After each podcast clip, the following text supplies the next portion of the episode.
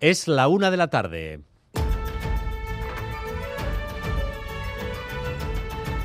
Crónica de Euskadi con Dani Álvarez. A Rachaldeón, 11 meses después del inicio de la invasión rusa a Ucrania, empiezan a percibirse dos velocidades en el apoyo a Zelensky. Todo Occidente sigue unido contra Vladimir Putin, pero algunos países están poniendo límites a ese apoyo. El caso más evidente es el de Alemania, que continúa resistiéndose a enviar tanques Leopard a Ucrania. Putin ya ha dicho que consideraría una línea roja el hecho de que países europeos pudieran dar apoyo militar a Ucrania hasta ese nivel. ¿Por qué se está resistiendo Alemania? Corresponsal en Berlín, Ana Irazabal. A Rachaldeón, la reunión que ha finalizado sin aclarar si al final Alemania enviará carros de combate a Ucrania y sin especificar cuándo se tomará esa decisión. Die Frage nach den Leopard-Panzern, es gibt noch keinen neuen Stand. Pero Pistorius ha pedido a los aliados que tengan Leopards 2 y que estén preparados para empezar a entrenar a soldados ucranianos y ha repetido que actuarán rápido si la decisión es positiva. Así que la situación podría desbloquearse en las próximas horas. Pero en estos momentos la pelota está en manos de Scholz, que de momento guarda silencio. Hablamos de Alemania, pero hay países que pasan directamente de este tema. Están con Ucrania, sí, pero nada de tanques. Es el caso del gobierno de España, que cuenta con varias unidades Leopard infrautilizadas que en ningún caso irán a las tropas de Zelensky. Madrid, Miquel Arregui. Sí, el gobierno español pone el acento en mantener la unidad entre los países aliados. Creen que airear cualquier debate sobre el envío de material militar a Ucrania puede debilitar los intereses europeos, por lo que la prioridad para el gobierno de Pedro Sánchez sigue siendo el de mantener la discreción. España es el, el tercer país del mundo con más tanques Leopard y estaría en disposición de enviar a Ucrania unas 50 unidades. Son tanques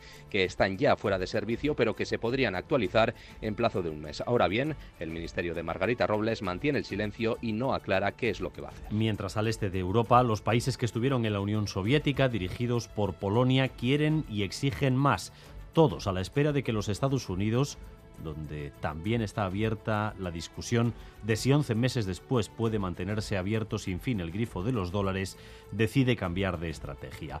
Hoy, por cierto, Zelensky ha destituido a varios altos cargos de su gobierno por corrupción. Entre tanto, la economía se estabiliza en Europa. Estamos pasando los días más fríos del invierno y la crisis energética parece superada o al menos controlada.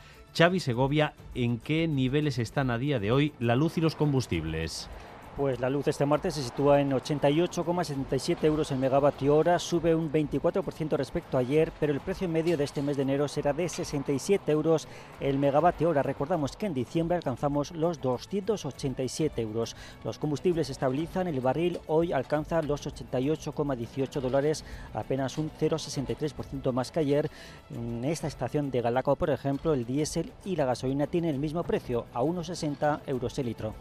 Y al margen de esto, una semana después llegó la paz entre el PNV y el PSE por el centro de refugiados en Vitoria-Gasteiz. El portavoz del gobierno vascovín en Zupiría echa agua tras un consejo que pretende ser un antes y un después en el enfrentamiento público en el que ambos socios se han dicho cosas que ya veremos si han dejado pozo para el futuro. Escuchen. La posición común que transmito en nombre del Endacari y de todos los consejeros de gobierno es nuestra voluntad de no suscitar ninguna polémica pública en torno a esta cuestión. Lo que nos compromete y nos une a todos y todas las consejeros de este gobierno es el programa de gobierno que tenemos aprobado eh, y los compromisos que en él figuran.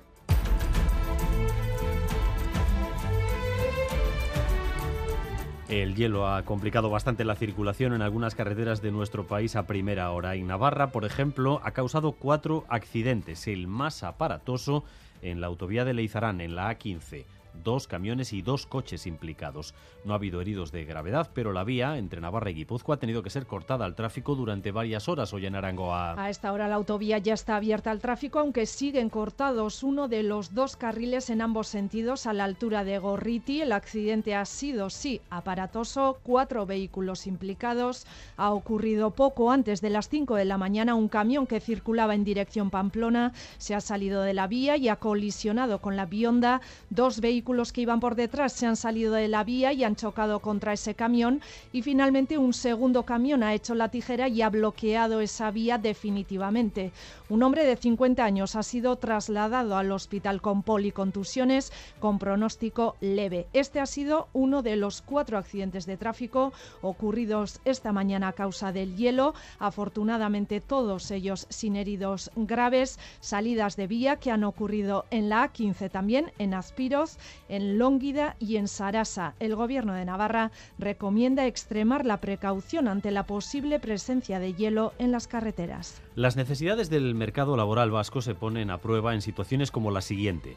Se necesitan 150 soldadores, pintores, electricistas o fontaneros. Se trata de una única oferta en profesiones que tienen cero paro. Sonia Hernando. 150 puestos de trabajo de golpe. Buscan desde montadores a pintores industriales, oficios, todos ellos con titulación de FP, con un salario inicial de 22.400 euros brutos anuales más pluses en jornada de lunes a viernes. Lo ha publicado la empresa de selección de personal ADECO en su web y todos los empleos se ofrecen para Ribabellosa, en Álava, donde tiene su sede Talgo, que acaba de anunciar que va a fabricar en esta factoría 10 trenes de muy alta velocidad. Los 150 puestos son de un perfil profesional en el que ahora mismo el desempleo es técnicamente cero y la Diputación de Vizcaya ha presentado la programación de sus museos y salas culturales para este año 2023. Serán más de 30 exposiciones y más de un centenar de actividades en un año donde destacan tres hitos llamativos. La conmemoración de los 75 años de Arranzale en Museo A en Bermeo, la reapertura de Euskar Arenechea, que albergará ya exposiciones temporales, y la reformulación de uno de los enclaves más importantes de la Diputación en Bilbao, Recalde Areto A, que pretende variar no solo su propuesta artística, sino también su acceso, porque se va a abrir una nueva puerta para esta sala desde la calle Iparraguirre. Escuchen a Lorea Bilbao, diputada de Cultura. Son lugares que nos definen como territorio, lugares atractivos, 12 emplazamientos en los que se ha diseñado un programa de actividades variado para todas las personas y pensado para transmitir conocimiento de manera amable, divertida y sobre todo de mucha calidad. Y vamos también con lo más destacado del deporte, Álvaro Fernández Cadierno, a León. A León, la cita del día es el partido de Liga F entre Atlético y Levante a las 7 en Lezama. Por su parte, las chicas de Osasuna se meten en cuartos de final de Copa tras la alineación indebida del Barça. En ciclismo, Jona Verasturi ha sido tercero en la segunda etapa de la Vuelta a San Juan en Argentina y Alex Chicón, que va a llegar esta tarde a casa tras hacer hace unos días cima invernal en el Manaslu.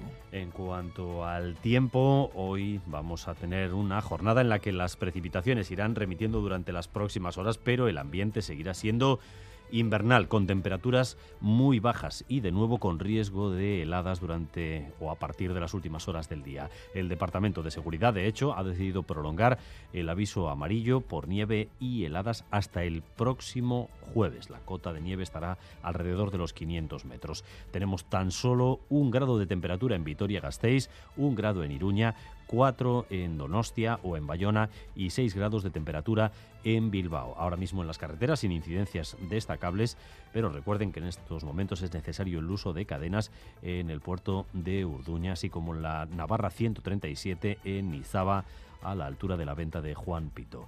Gracias un día más por elegir Radio Euskadi y Radio Vitoria para informarse. Raúl González y José Ignacio Revuelta se encargan de la dirección técnica y Aitziber Bilbao de la coordinación. Crónica de Euskadi con Dani Álvarez.